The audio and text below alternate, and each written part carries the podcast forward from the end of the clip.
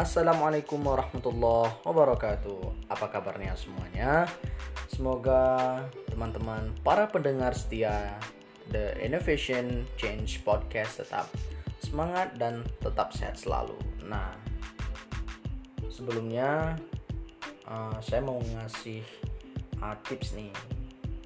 Kadang kalau kita mau ngelakuin sesuatu uh, kita selalu dihantui dengan ketidaktepatan waktu. Nah, kadangkala ketidaktepatan waktu itu menjadi sebuah sebuah uh, masalah yang sering menghampiri kita ketika kita mau melakukan sesuatu. Nah, kali ini saya bakal nge-share uh, ke teman-teman uh, yaitu bagaimana cara menjaga atau mengelola lebih tepatnya mengatur ya mengatur waktu dengan baik.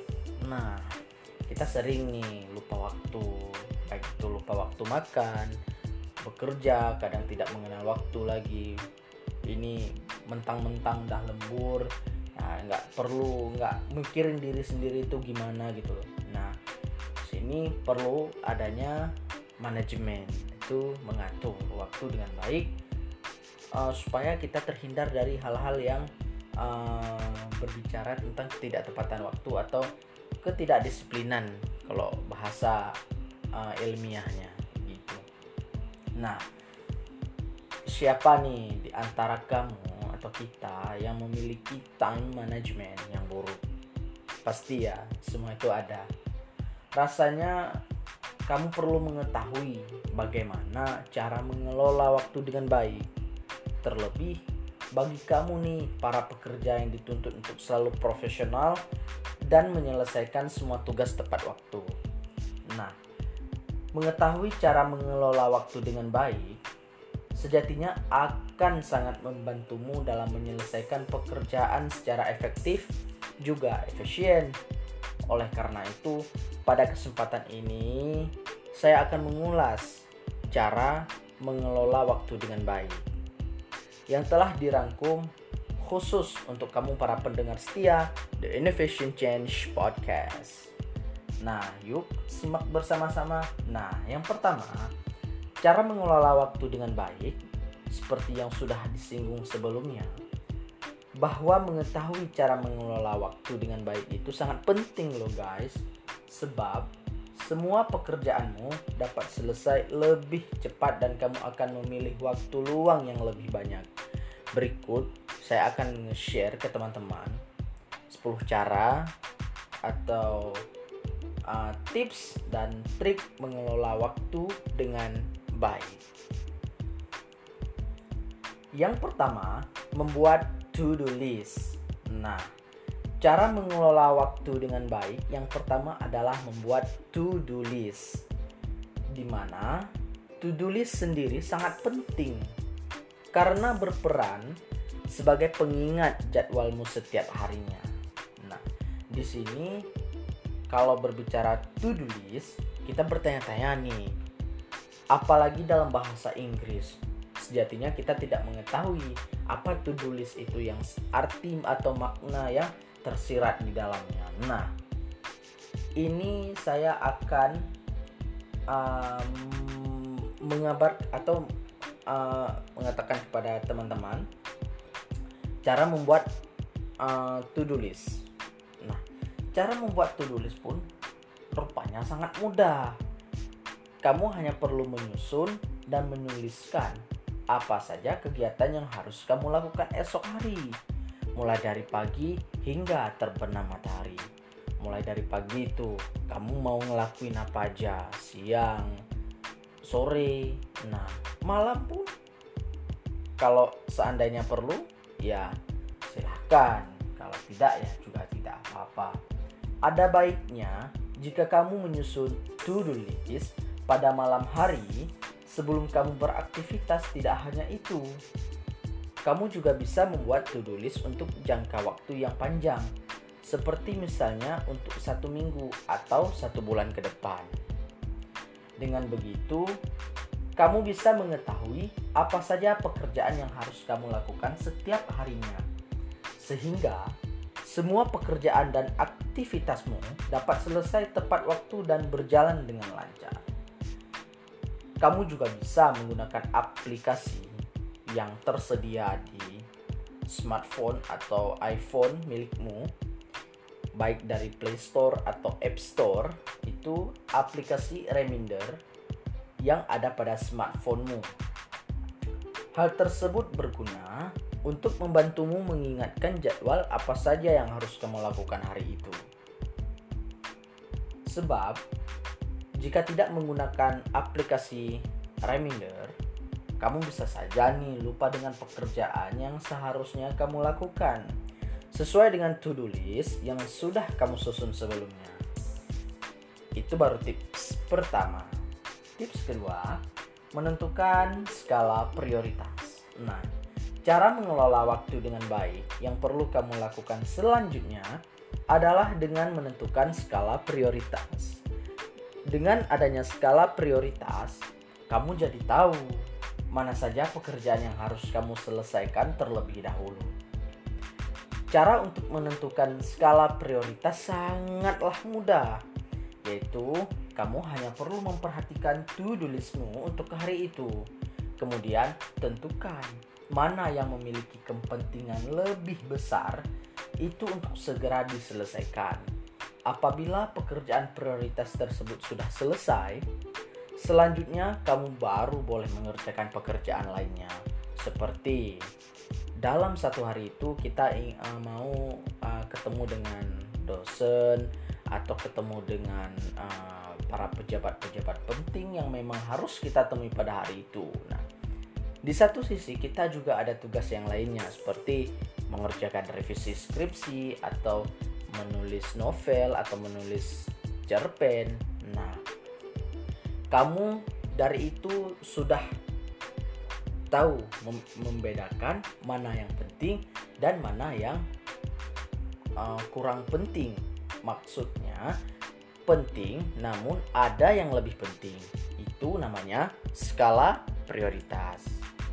Nah, tadi tips kedua. Kemudian tips yang ketiga, membuat estimasi waktu bekerja. Nah, estimasi waktu bekerja, teman-teman sudah pasti tahu ya, estimasi waktu bekerja artinya jarak atau rentang waktu dari pekerjaan yang pertama sampai selesai, kemudian dilanjutkan dengan pekerjaan yang kedua. Membuat estimasi waktu bekerja menjadi salah satu cara mengelola waktu dengan baik yang bisa kamu lakukan. Pasalnya, menentukan estimasi waktu bekerja dapat membuatmu disiplin saat menyelesaikan pekerjaan. Selain itu, estimasi waktu bekerja juga dapat melatihmu untuk lebih bertanggung jawab terhadap suatu pekerjaan yang kamu emban. Sebab jika kamu bekerja tanpa estimasi waktu, maka kamu akan merasa santai dan seolah-olah tidak memiliki tanggung jawab atas suatu pekerjaan. Oleh karena itu, estimasi waktu bekerja sangat penting untuk kamu buat. Cara untuk membuat estimasi waktu bekerja pun sangatlah mudah. Kamu hanya perlu mengatur dan menentukan berapa lama waktu yang kamu butuhkan untuk menyelesaikan setiap pekerjaan di hari itu. Jangan lupa, tentukan pula jeda waktu untuk kamu istirahat. Jangan pula kita mau bekerja nih, kita mau menyelesaikan sesuatu pekerjaan.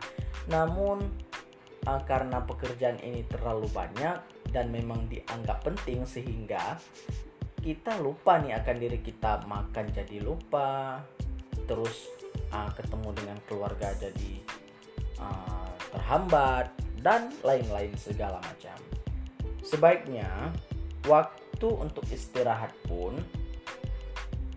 harus ada dan boleh tidak terlalu lama sebisa mungkin durasi untuk istirahat dibuat seperti di kantor kampus atau tempat-tempat yang uh, bisa membuatmu nyaman untuk bekerja.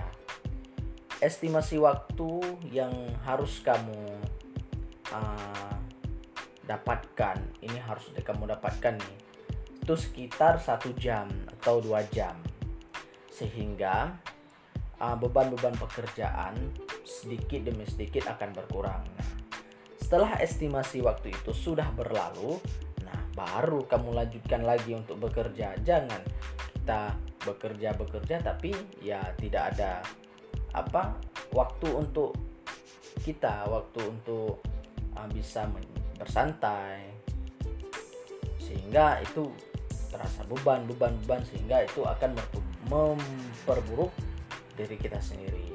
Nah, jeda waktu tersebut juga bisa kamu gunakan untuk mengoreksi pekerjaan yang telah selesai sebelumnya. Apakah sudah sesuai dengan tujuan dan arahan atau harus diperbaiki?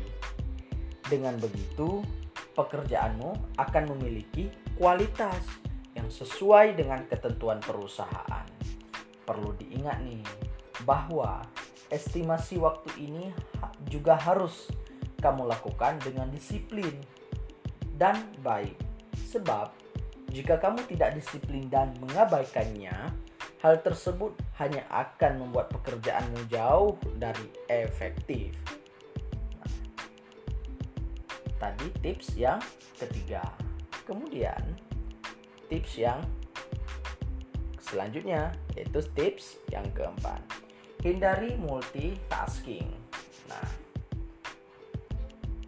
cara mengelola waktu dengan baik yang keempat adalah dengan menghindari multitasking. Mungkin sebagian dari kamu berpikir bahwa dengan multitasking pekerjaanmu akan selesai lebih cepat. Namun, namun nih, ternyata hal itu tidak sepenuhnya benar Mungkin iya pekerjaanmu akan lebih cepat selesai, namun belum tentu memiliki kualitas yang baik. Pasalnya, multitasking multitasking secara tidak langsung menuntut ot otakmu untuk bekerja lebih keras dari biasanya. Tidak hanya itu, fokusmu terhadap pekerjaan utama akan menjadi buyar dan hasil dari pekerjaanmu juga tidak bakal optimal. Jika bekerja secara multitasking, terus kamu lakukan untuk jangka waktu yang lama, hal tersebut justru akan memberikan dampak buruk bagi kamu. Tubuhmu akan merasa lebih cepat lelah dan kamu akan lebih mudah mengalami stres. Terlebih, kemampuan otakmu untuk menyimpan memori jangka pendek atau short term memory akan semakin lemah. Untuk itu dapat disimpulkan bahwa multitasking tidak memberikan manfaat baik untuk tubuh ataupun pekerjaan. Nah, bagi teman-teman nih untuk selalu bekerja namun perlu diingat jangan memaksakan kendati pun itu dianggap penting karena kita juga harus memikirkan diri kita sendiri terhadap kesehatan kita, terhadap tubuh kita sehingga pekerjaan kita menjadi tidak uh, terhambat ketika kita tidak melakukan hal-hal yang memang seharusnya tidak lakukan. Nah, namun pada satu sisi pada kebanyakan orang banyak yang melakukan seperti ini karena memudah mereka memudahkan mereka untuk menyelesaikan pekerjaan. Namun satu sisi ini ada dampaknya loh karena ini sangat berbahaya dan juga berdampak buruk bagi tubuh kita. Kemudian yang tips kelima. Hindari kebiasaan menunda pekerjaan. Nah, ini barangkali kita pernah mengalaminya ya. Nah, menghindari kebiasaan menunda pekerjaan menjadi cara mengelola waktu dengan baik dan yang kelima. Sudah banyak diketahui bahwa dengan menunda pekerjaan hanya akan membuat pekerjaan-pekerjaanmu yang lainnya menjadi berantakan. Maka dari itu, ketika sudah waktunya untuk bekerja, sebisa mungkin kamu segera mengerjakannya. Sebab dengan mengerjakan pekerjaan sesuai dengan waktunya, kamu pun lebih bisa cepat menyelesaikan pekerjaan tersebut. Dengan begitu, kamu bisa memiliki lebih banyak waktu luang yang dapat kamu pergunakan untuk ya pastinya beristirahat. Kemudian tips yang keenam. Singkirkan hal-hal yang mengganggu konsentrasi. Nah, ini pasti teman-teman tahu nih, apa saja yang dapat mengganggu konsentrasi kita ketika saat bekerja.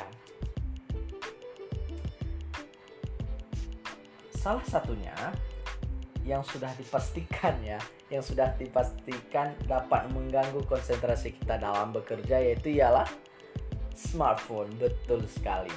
Bagaimana tidak? Ada nih orang tanya, bagaimana tidak? Masa iya? Pasalnya, dengan mendengar suara notifikasi dari smartphone saja, itu sudah membuat pecah konsentrasimu saat bekerja. Kalian harus percaya, kamu pasti akan mengambil smartphone tersebut, kemudian melihat apa isi dari notifikasi tersebut. Dan secara tidak langsung, kamu akan melihat notifikasi-notifikasi lainnya yang ada di smartphone kamu. Lebih dari itu, tidak menutup kemungkinan juga jika kamu membuka aplikasi-aplikasi media, media sosial lainnya.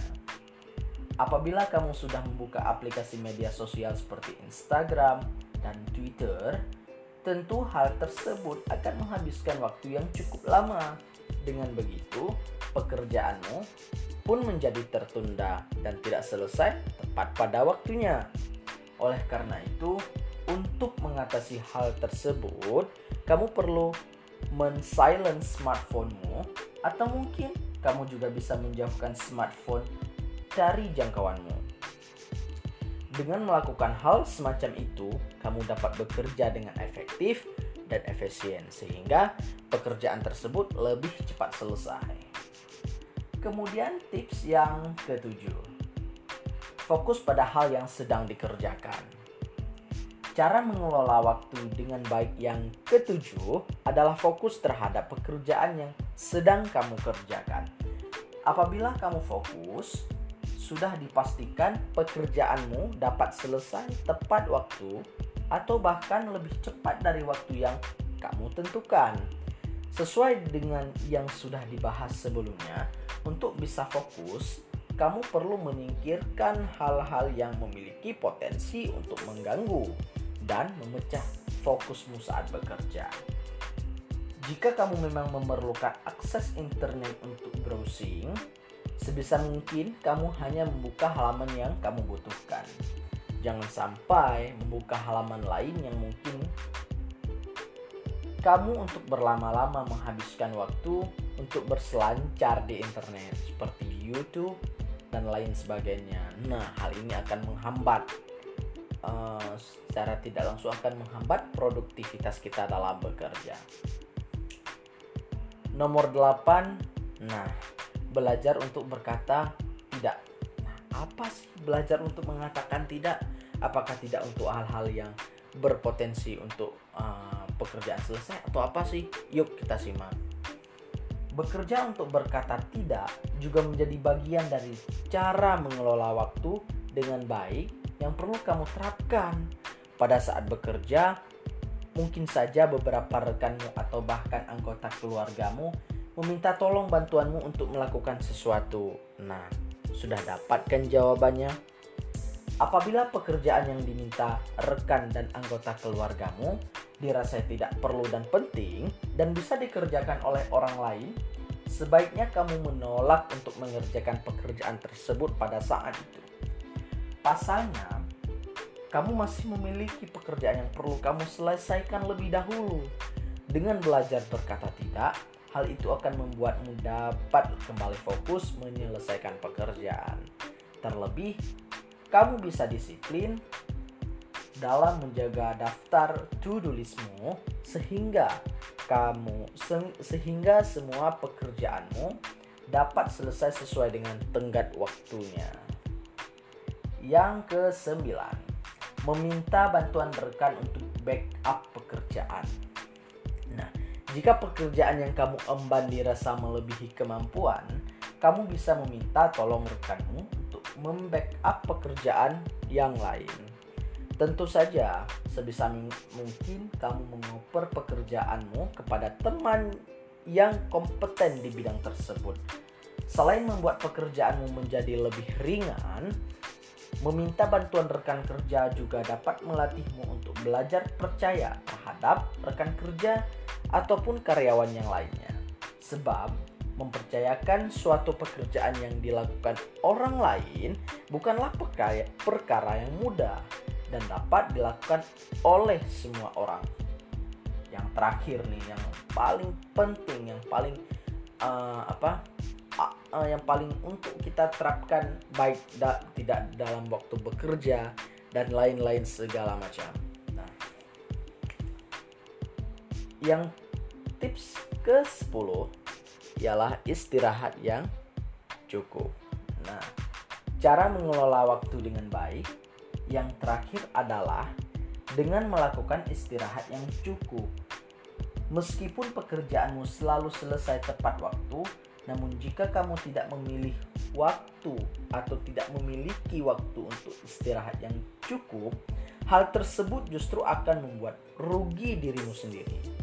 Kamu akan menjadi lebih cepat lelah dan tidak menutup kemungkinan jika kamu juga tidak jika kamu juga akan jatuh sakit apabila bekerja terus-menerus. Untuk itu, kamu perlu nih memberi jeda untuk otak dan tubuh beristirahat di setiap kamu menyelesaikan pekerjaan. Waktu untuk beristirahat pun tidak perlu terlalu lama, sekitar satu jam atau dua jam sebenarnya cukup atau sekitar 10-15 menit sudah cukup untuk kamu melakukan peregangan otot tubuh ataupun sekedar berjalan-jalan mengelilingi kantor, kampus, atau rumah. Dengan begitu, otak dan tubuhmu akan segar kembali sebelum melanjutkan pekerjaan, sehingga kamu dapat bekerja secara maksimal dan memberikan hasil yang optimal. Nah, gimana tips yang barusan? 10 tips ya 10 tips tentang bagaimana cara mengelola waktu sehingga pekerjaan kita sehari-hari menjadi lebih produktif dan lebih optimal juga ketika kita hendak menyelesaikan pekerjaan itu uh, terlihat lebih elegan, efektif dan efisien sehingga kita terhindar dari hal-hal yang uh, bersifat untuk merusak pekerjaan kita sendiri. Nah, sampai di sini dulu perjumpaan kita dan tetap stay tune di The Innovation Change Podcast karena dapat memberikan kita suatu uh, semangat yang baru untuk mengetahui hal-hal yang baru, makin tahu, makin banyak ilmu. So next time kita ketemu lagi di channel atau ulasan-ulasan yang lebih unik dan lebih menarik. Tetap stay tune di The Innovation Change Podcast karena makin tahu makin banyak ilmu. Assalamualaikum warahmatullahi wabarakatuh.